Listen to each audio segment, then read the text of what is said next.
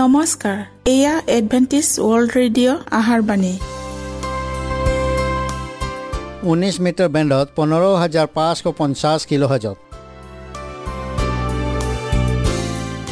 Adventist World radio যোগে অসমীয়া ভাষাত প্ৰচাৰিত আহাৰবাণী প্ৰত্যেক বুধবাৰ আৰু দেওবাৰ সন্ধিয়া সাত বজাত আহাৰবাণী শুনাৰ পিছত আপোনালোকৰ কিবা মন্তব্য আৰু প্ৰশ্ন থাকিলে আমালৈ এই ঠিকনাত লিখক। আমাৰ ঠিকনাটি হৈছে Adventist world radio' seven day Adventist মণ্ডলী অসম শাখা লতাকাটা বশিষ্ট গুৱাহাটী সাত আঠ এক শূন্য দুই ন।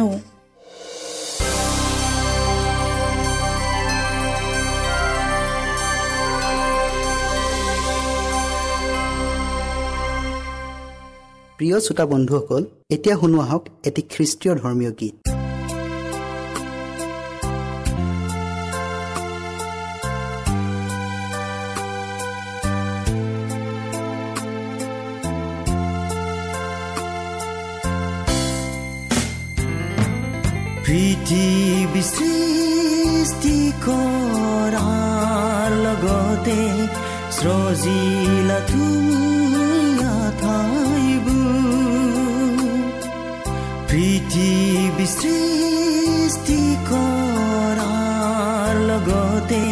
সৃজিলা তুমি আঠাইবোৰ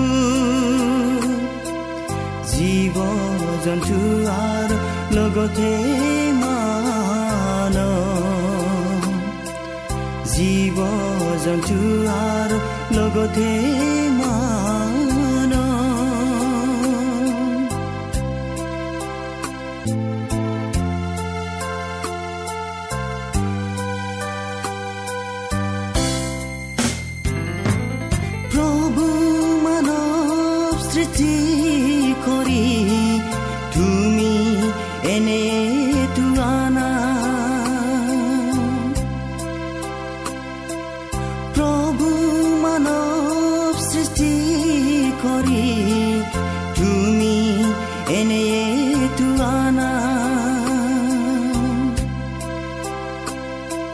দিশা কৰিব হাত ভৰি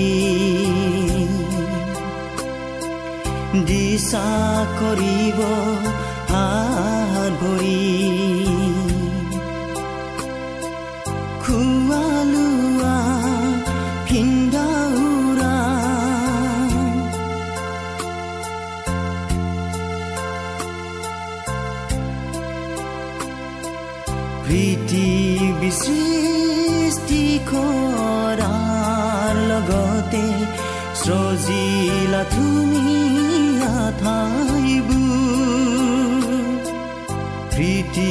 পৃথিৱী সৃষ্টি কৰাৰ লগতে সজিলা তুমি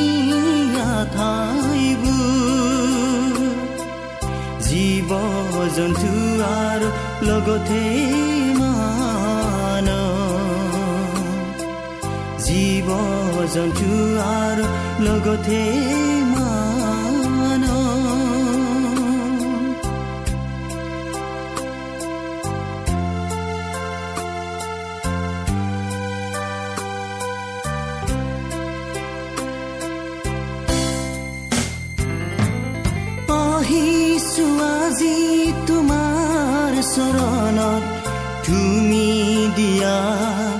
সকলো ধনেৰে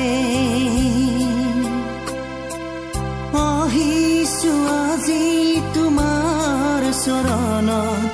তুমি দিয়া সকলো ধনেৰে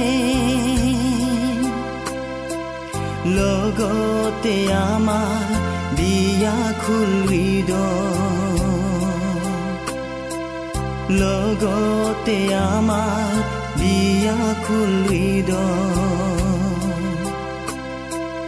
লোৱা তুমি আজি আমাৰ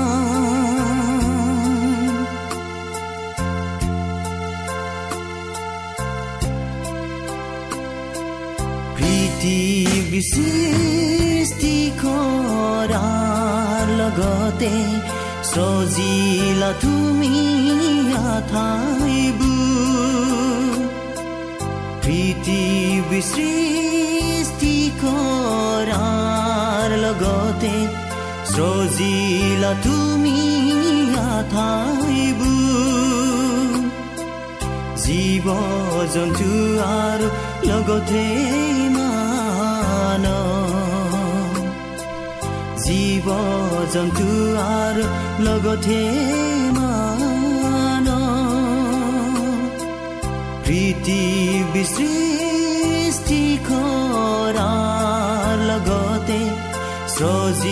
সজিলা তুমি আঠাইবোৰ জীৱ জন্তু আৰু লগতে মান জীৱ জন্তু আৰু লগতে মান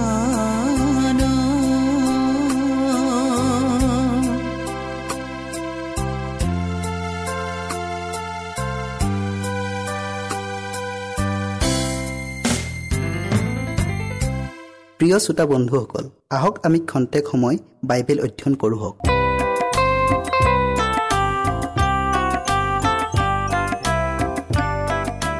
বিশ্বাস আৰু গ্ৰহণ। পবিত্ৰ আত্মাই আপোনাৰ বিবেক শক্তিক জাগৃত কৰিলে পাপৰ কুৎচিত আৰু কুপৰিণামবোৰ আপুনি ঘৃণাৰে দৃষ্টি কৰিব। আপুনি ইয়াকো অনুভৱ কৰিব যে পাপে কেনেকৈ আপোনাক ঈশ্বৰৰ পৰা আঁতৰাই কুশক্তিৰ বন্ধনত ৰাখিছে। আপুনি যিমানেই এই বন্ধনৰ পৰা মুক্তি পোৱাৰ চেষ্টা নকৰক কিয়? আপুনি সিমানেই আপোনাৰ অক্ষমতা অনুভৱ কৰিব। আপুনি ক্ষমা পাব বিচাৰিছে সূচী নিৰ্মল ও পবিত্ৰ হ'ব বিচাৰিছে মুক্তি পাব বিচাৰিছে আৰু ঈশ্বৰৰ সৈতে মিল হ'ব বিচাৰিছে এইবোৰৰ অধিকাৰী হ'বলৈ আপুনি কি কৰিব লাগিব? আপোনাক শান্তিৰ প্ৰয়োজন। আপোনাৰ হৃদয়ত ঈশ্বৰৰ সমাধান আৰু শক্তি আৰু প্ৰেম স্থিতি হ'ব লাগিব। মানুহৰ জ্ঞান বুদ্ধি ধন শক্তি আদিৰে এই ঐশ্বৰিক গুণসমূহ কিনিব নোৱাৰে নাইবা পাবও নোৱাৰে। কিন্তু ঈশ্বৰে আপোনাক দিয়া এয়া বিনামূলীয়া দান। শাস্ত্ৰত কৈছে বিনামূল্যে আৰু বিনা দামে যিচয়া পঁচপন্ন অধ্যায় এক পদ। এতিয়া আপুনি আগবাঢ়ি এই দান গ্ৰহণ কৰাটো আপোনাৰ ইচ্ছা। ঈশ্বৰে কৈছে তোমালোকৰ পাপবোৰ সেন্দুৰৰ বৰণীয়া হ'লেও হিমৰ দৰে বগা কৰা হ'ব আৰু লাৰ নিচিনা ৰঙা হ'লেও ভেড়াৰ নোমৰ দৰে হৈ পৰিব। ঈশ্বয়া এক অধ্যায় ওঠৰ পদ। মই তোমালোকক এক নতুন হৃদয় দিম। আৰু তোমালোকৰ অন্তৰত এক নতুন আত্ম স্থাপন কৰিম। জিহিচকেল ছয়ত্ৰিছ অধ্যায় ছাব্বিছ পদ। আপুনি আপোনাৰ পাপসমূহ স্বীকাৰ কৰি হৃদয়ৰ আটাই অসুচি দূৰ কৰক। ঈশ্বৰক গ্ৰহণ কৰিবলৈ দৃঢ় প্ৰতিজ্ঞা হওক। এতিয়া তেওঁৰ ওচৰলৈ গৈ আপোনাৰ পাপবোৰ ধুই নিকা হৈ তেওঁৰ পৰা এক নতুন হৃদয় খোজক। কিয়নো তেওঁ নিজেই খোজা যাওক। দিয়াৰ প্ৰতিশ্ৰুতিবদ্ধ। পৃথিৱীত থকা কালত যীশুৱে এই শিক্ষাকেই কৈছিল। তেওঁৰ ওচৰলৈ অহা আটাই লোকক সকলো প্ৰকাৰৰ শাৰীৰিক ৰোগৰ পৰা সুস্থ কৰাৰ উপৰিও আত্মিক ৰোগত অথবা পাপৰ বন্ধনত থকা লোককো ক্ষমা কৰি স্পষ্টভাৱে কৈছিল। কিন্তু পৃথিৱীত পাপ ক্ষমা কৰিবলৈ মানুহৰ পুত্ৰৰ যে ক্ষমতা আছে ইয়াক তোমালোকে জানিবলৈ তেতিয়া তেওঁ যথৰ ৰোগীজনক ক'লে উঠা তোমাৰ শয্যা তুলি লৈ নিজৰ ঘৰলৈ যোৱা।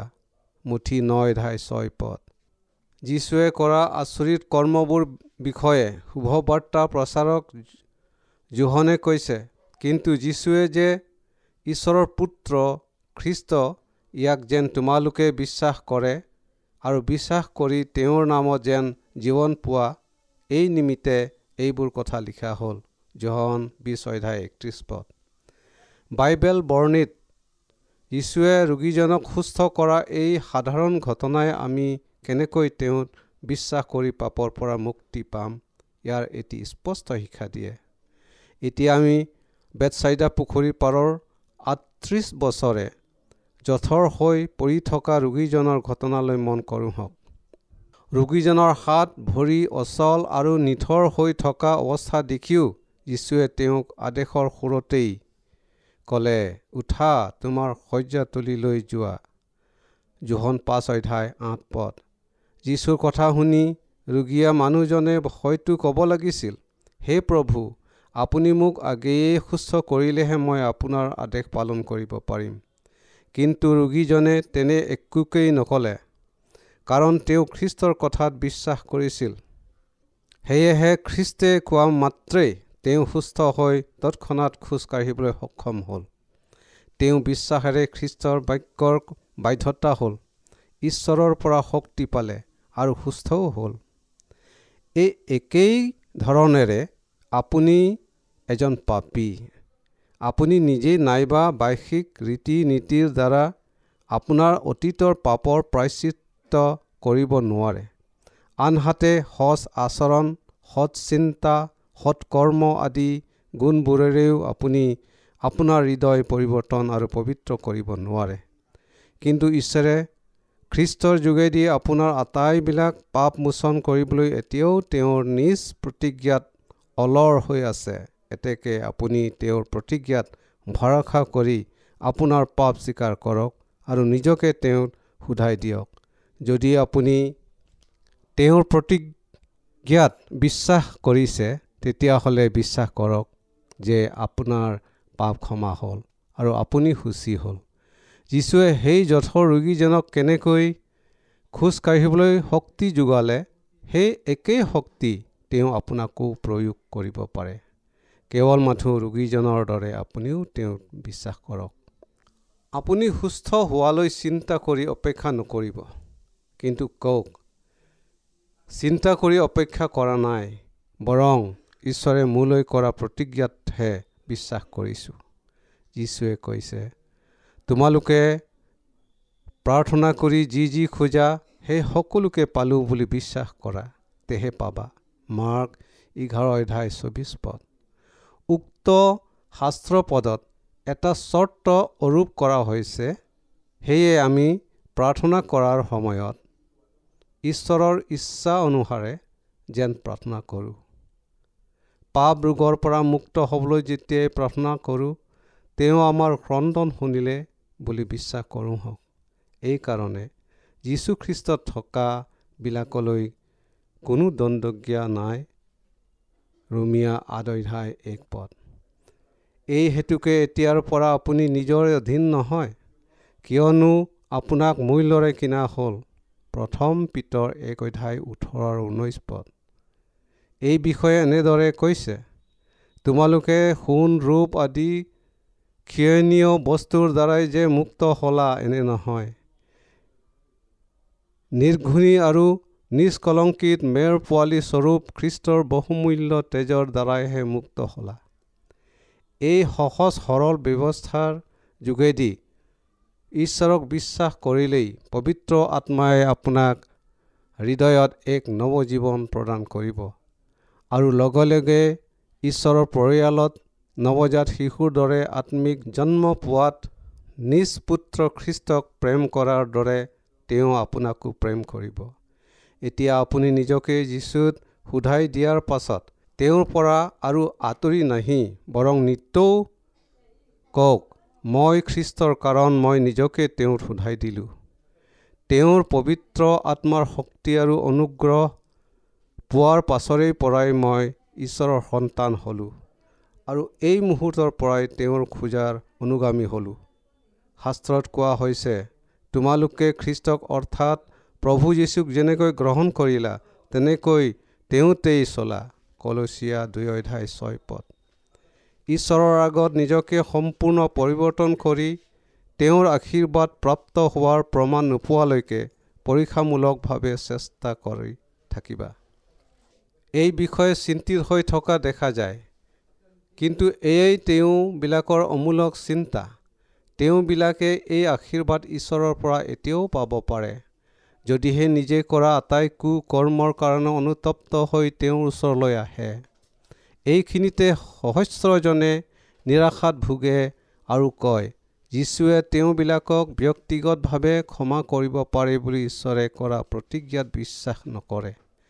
কিন্তু সকলোলৈকে ঘোষণা কৰা হৈছে যে আটাই পাপ বিনামূল্যে ক্ষমা কৰা হয়। এতেকে ঈশ্বৰৰ প্ৰতিজ্ঞাৰ প্ৰতি থকা আপোনাৰ অমূলক সন্দেহ আঁতৰ কৰক।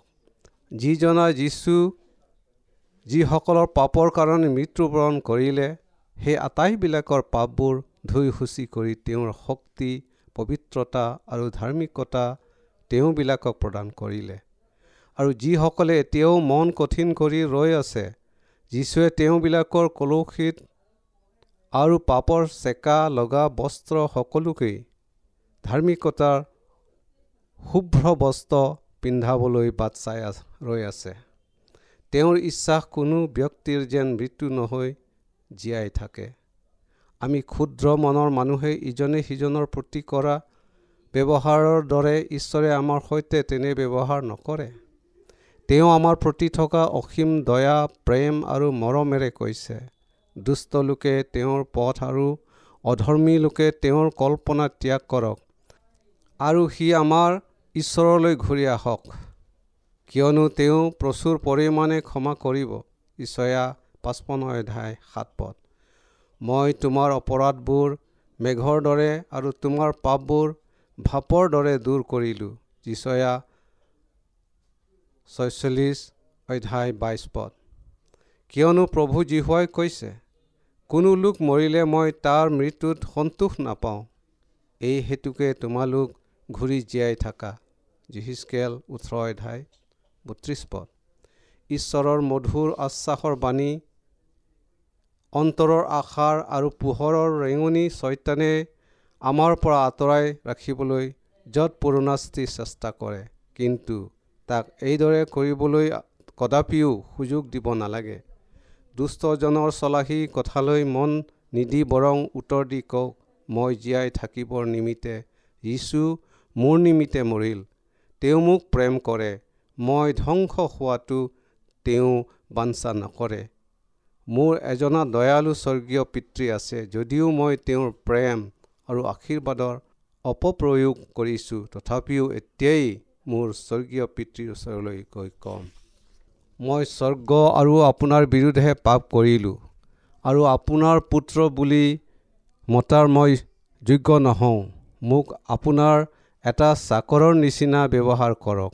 এই দৃষ্টান্তই পথভ্ৰষ্ট হোৱাজনকো ঈশ্বৰে কেনেকৈ গ্ৰহণ কৰে তাকে আপোনাক দেখুৱায়।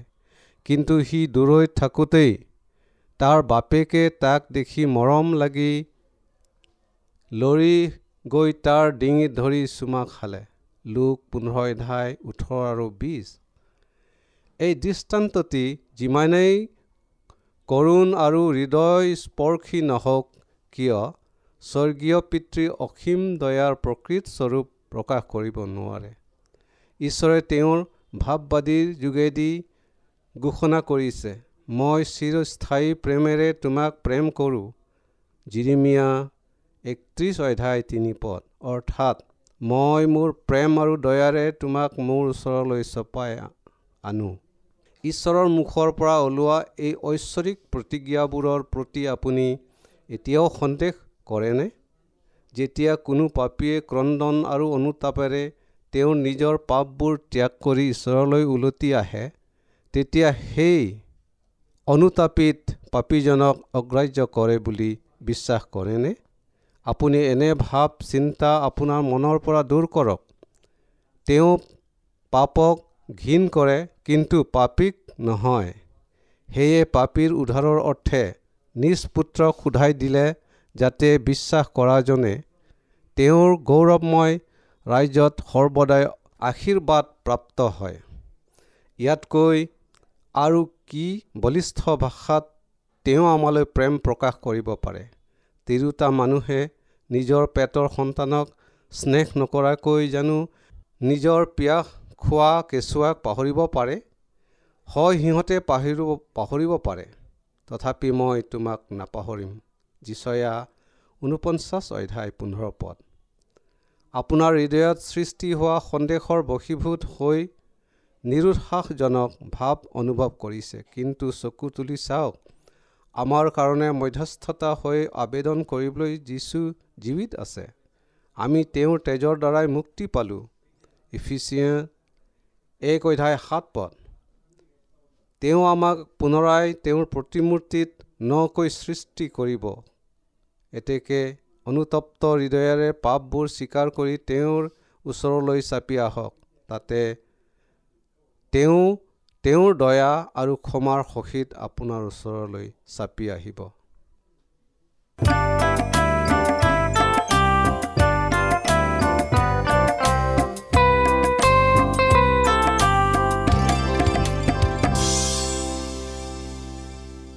ইমানপৰে আমি বাইবেল অধ্যয়ন কৰিলোঁ এতিয়া আকৌ শুনো আহক এটি খ্ৰীষ্টীয় ধৰ্মীয় গীত।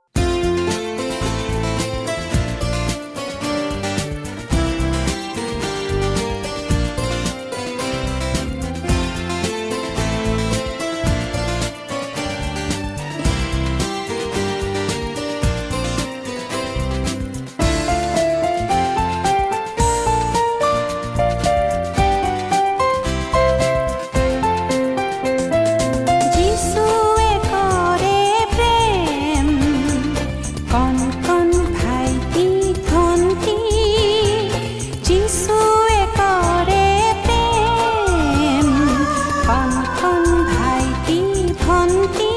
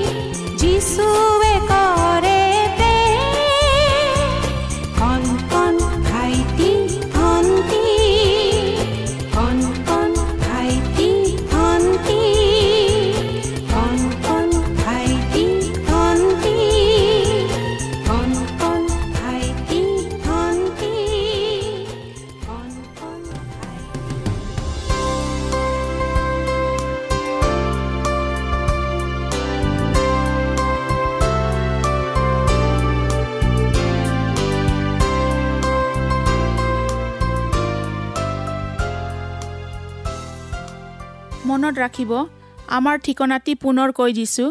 Adventist world radio' Assam region of seven day Adventist voice of hope Latakata Basistha Guwahati seven eight one zero' two nine প্ৰিয় শ্ৰোতা বন্ধুসকল এডভেণ্টিজ ৱৰ্ল্ড ৰেডিঅ' যোগে আহাৰবাণী প্ৰচাৰত আপোনালোকক পুনৰ লগ পোৱাৰ আহাৰে আজিলৈ সামৰিলোঁ। ধন্যবাদ।